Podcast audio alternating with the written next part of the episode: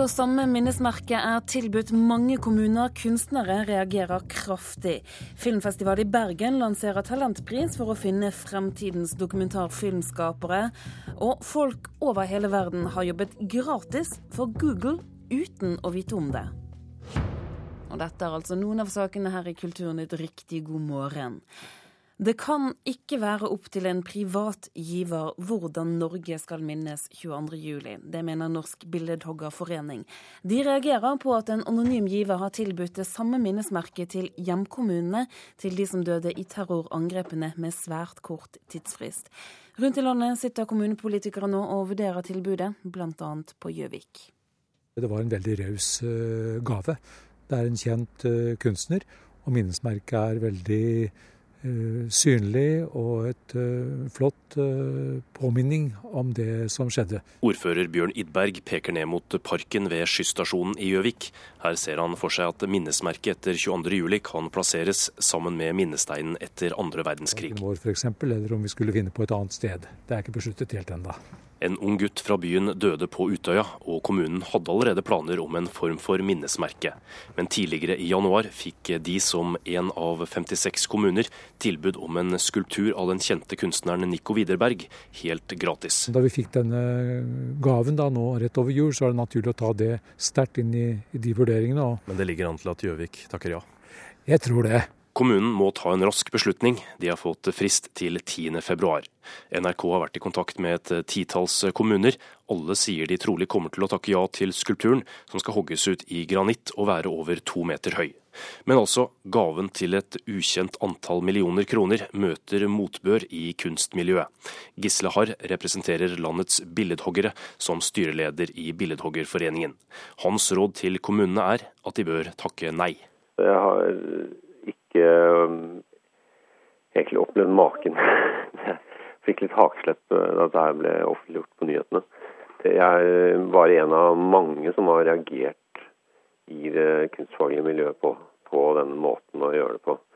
Eh, vi må ha flere forslag, flere innspill og flere ideer til hva slags kunst, ikke minst, som eh, skal kunne uttrykke den sorgen og den, eh, dette minne om, om, om, de døde. Det er, det er ingen privatsak, rett og slett. Og det blir det nå, dessverre. Den anonyme giveren er blitt gjort kjent med kritikken fra kunstnerorganisasjonen, men vedkommende ønsker ikke å kommentere saken overfor NRK. Kunstneren Nico Widerberg sier de har hatt dårlig tid siden skulpturene skal avdukes 22.07 i år, men han mener prosjektet ikke er noe sololøp fra giverens side. Han sier det er trist at det kommer slik kritikk. Jeg syns, jeg syns det er litt trist. Også igjen for dette er en sak som er helt spesiell. Og så har jeg jo hatt møte med noen fra støttegruppa, og det er blitt presentert der. Og AUF har vært veldig tydelig på at de også støtter prosjektet. Og kommunen sentralforbundet også var representert. Så, så, for meg så har det vært viktig at de, dette må gjøres riktig. Og jeg trodde dette var riktig måte å gjøre det på. Likevel, norske billedhoggere kaller det et kupp at én giver og én kunstners uttrykk blir så dominerende i hvordan vi skal minnes terrorangrepene 22.07.2011. Han har hoppet bukk over hele den prosessen med å faktisk invitere kunstnere til å komme med forslag. Det blir ikke noen demokratisk prosess da. Hvor mange av de 56 kommunene som takker ja til granittskulpturen, vet vi ikke før svarfristen går ut 10.2. Gjøvik-ordføreren regner med at det blir en Widerberg-skulptur med en minneplate i byen, selv om han sier han forstår kunstnernes argumenter. Det kan, kan nok Jeg skjønner det synspunktet. Og vi skal naturligvis ta en, en vurdering på spørsmålet. Men det ville forundre meg mye om ikke vi syns at vi bør takke ja til en slik fin minnestein. Bjørn Idberger, ordfører i Gjøvik. Reporter her, det var Erlend Moe. Åse Kleveland, du leder styringsgruppen som skal utforme de nasjonale minnesmerkene etter 22.07. Hva, hva synes du om at det nå kommer kritikk mot at kommunene tar, tar imot eh, slikt minnesmerke fra en privat giver? Altså for det første så syns jeg at det kommunene nå velger, det er fullt og helt kommunenes sak. Det er ingenting som vi som jobber med de nasjonale minnesmerkene skal sånn sett blande oss inn i at det er diskusjon om uh, minnesmerker og skulpturer, det er i og for seg ikke noe nytt. Og det syns jeg heller ikke skal uh, bør overraske noen i forhold til at dette er en uvanlig eh, fremgangsmåte. Og, mange, og det er vel også en del som uh, føler at uh, det er et tidspress på denne saken som noen syns er vanskelig av de som skal sitte og behandle det. Men, det der, men minnesmerket i seg selv og intensjonene bak det har jeg ingen grunn til å sette spørsmålstegn ved. Blitt... Vi, har, jeg, får jo en del henvendelser fordi at de vet nå at vi er i gang med dette. Av folk som sitter og skal være med og, i disse diskusjonene rundt omkring. Og det som vel fra en del kommer opp som spørsmål, det er, uh, det er dette at de hadde ønsket at de visste hvem som ga denne gaven.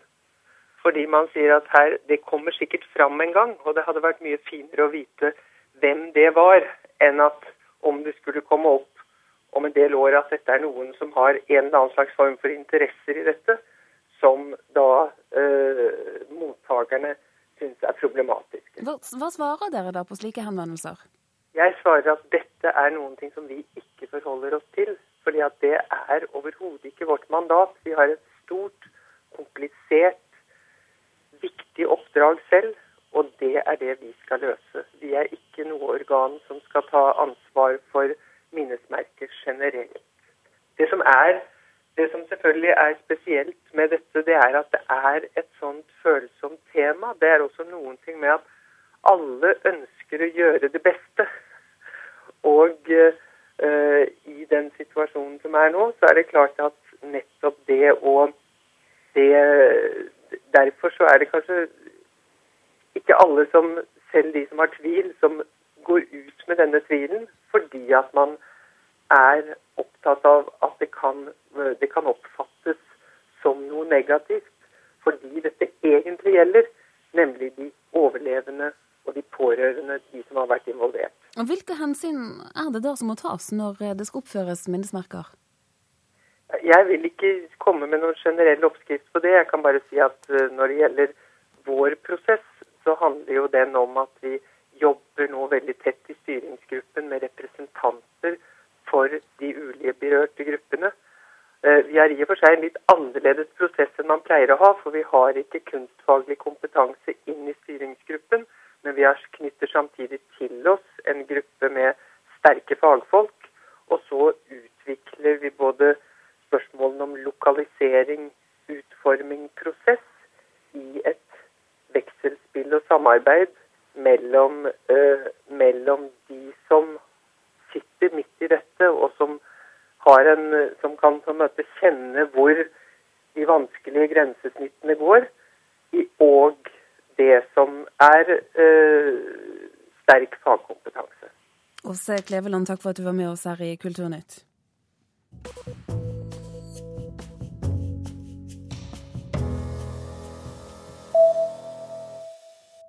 Norske gutter bruker i gjennomsnitt to timer og 42 minutter på å spille dataspill hver eneste dag. Det kommer frem i tidsbruksundersøkelsen som er utført av Statistisk sentralbyrå. Flere sykehus mener at det trengs et større tilbud for unge gutter som får alvorlige helseskader pga. spillingen. Det skriver VG.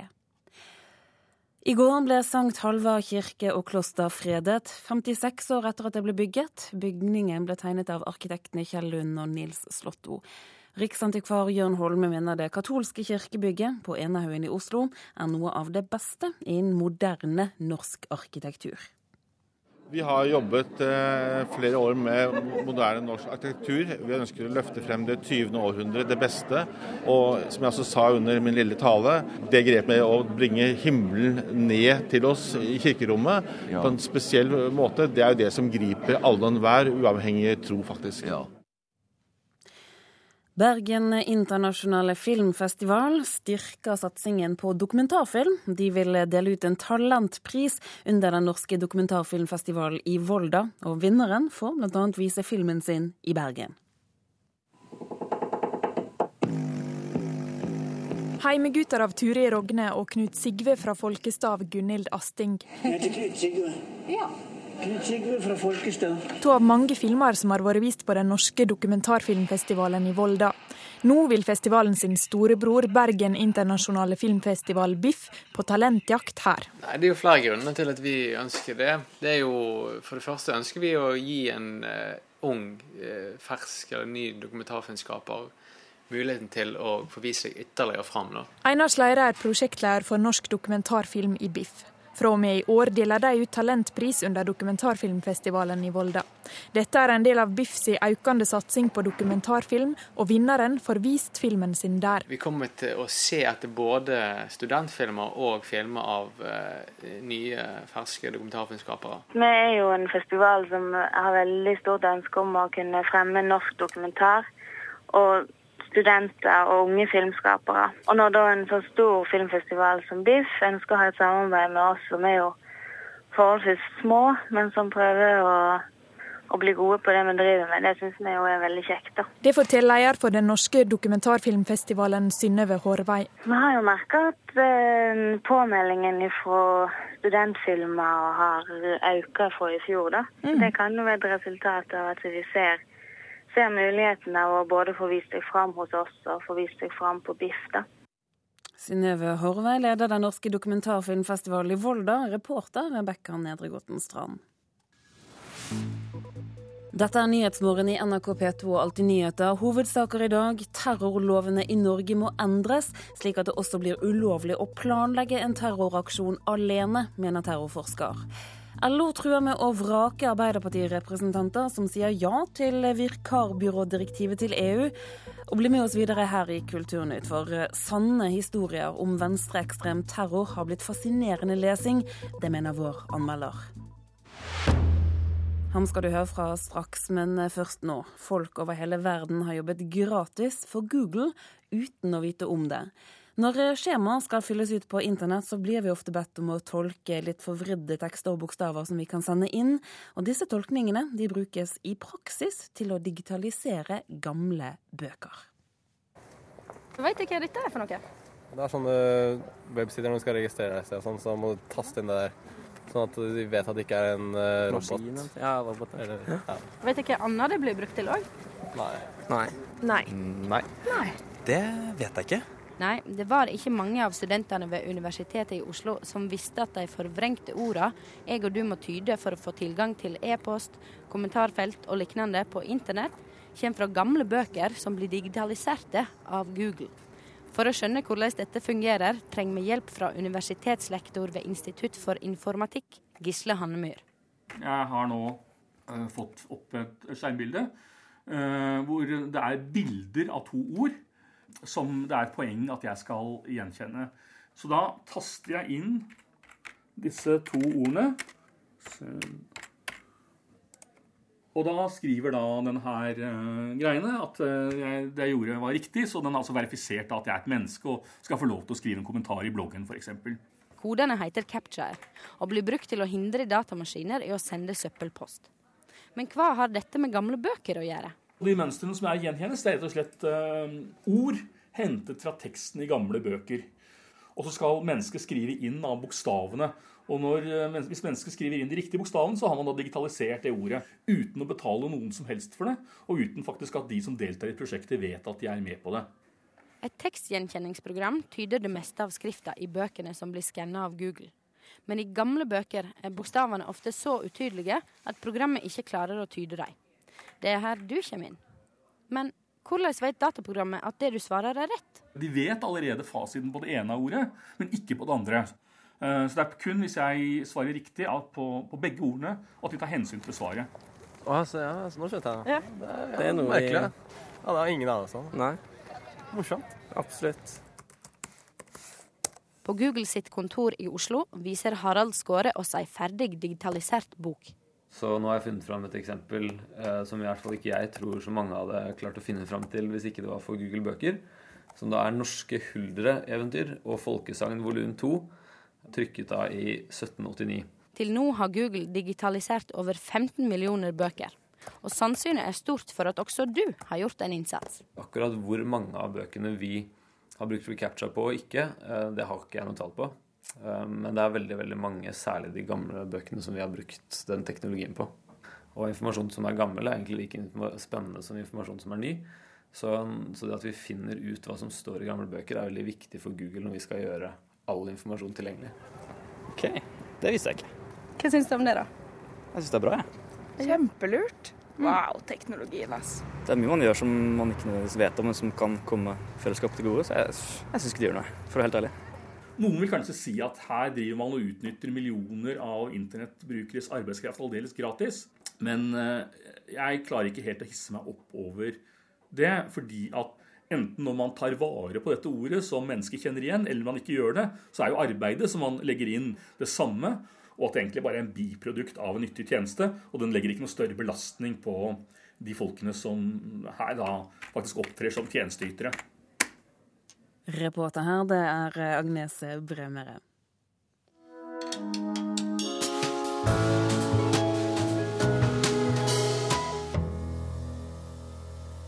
Boken der Bader-Meinhof-kompleks kom ut på tysk i 1985. Denne boken den kommer nå ut for eh, første gang på norsk.